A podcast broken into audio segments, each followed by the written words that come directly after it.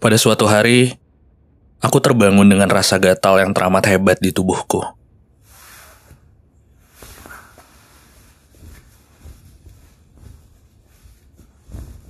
Dalam tidurku, entah sudah berapa lama aku menggaruk-garuk punggungku.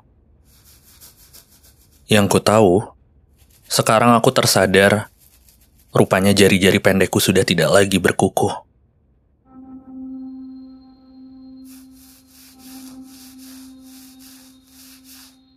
Semuanya patah. Lepas bercacaran di sekitarku. Entah mimpi buruk macam apa yang menyerangku tadi malam. Yang jelas, rasa sakit ini benar-benar nyata.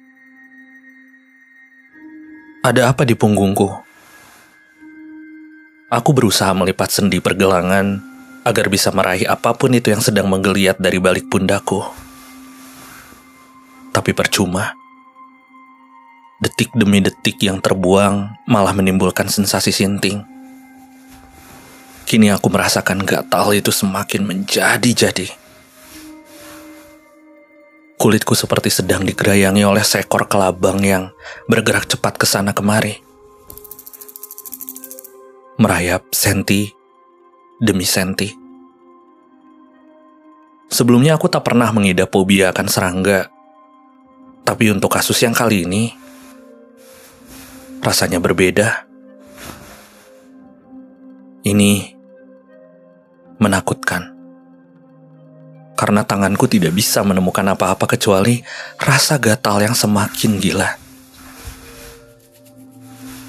Apa yang terjadi denganku? Kenapa lagi aku? Apa aku sedang terpapar virus varian baru? Ku copot bajuku lalu aku terus menggaruk. Semakin kencang. Semakin terguncang. Hingga ke sepuluh jariku lepas satu persatu.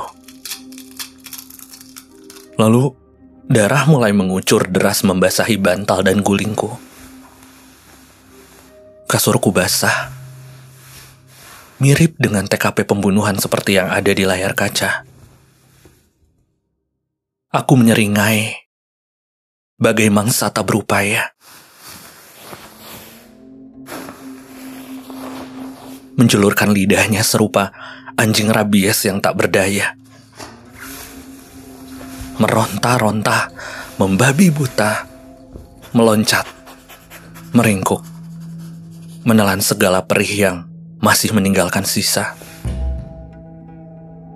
Lalu dengan sisa-sisa tenaga, Aku merangkak menghampiri cermin.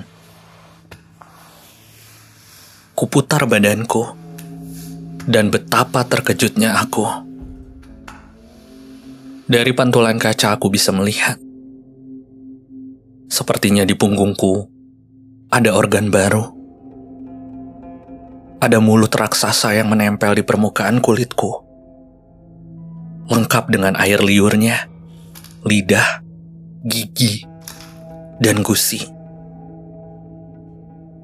Tidak lama bibir itu berbicara, mengeluarkan suara-suara yang menyiksa indera tentang caci maki, tentang fitnah, tentang opini tak setuju, dan ujaran hina lainnya. Kudengarkan satu persatu kalimat busuk itu hingga kedua kupingku panas. Lalu terbitlah api dari sela-sela daun telingaku. Yang pelan-pelan, apinya mulai berkobar. Aku terbakar. Memanggang dagingku sendiri dengan amarah. Dengan emosi yang tumpah ruah. Rasa gatal yang selama ini kurasakan ternyata ditimbulkan dari mulut yang berkoar-koar di belakangku. Keabnormalan ini, apa karena aku seburuk itu, atau karena bibir berandalan itu yang memang terlahir untuk membenciku?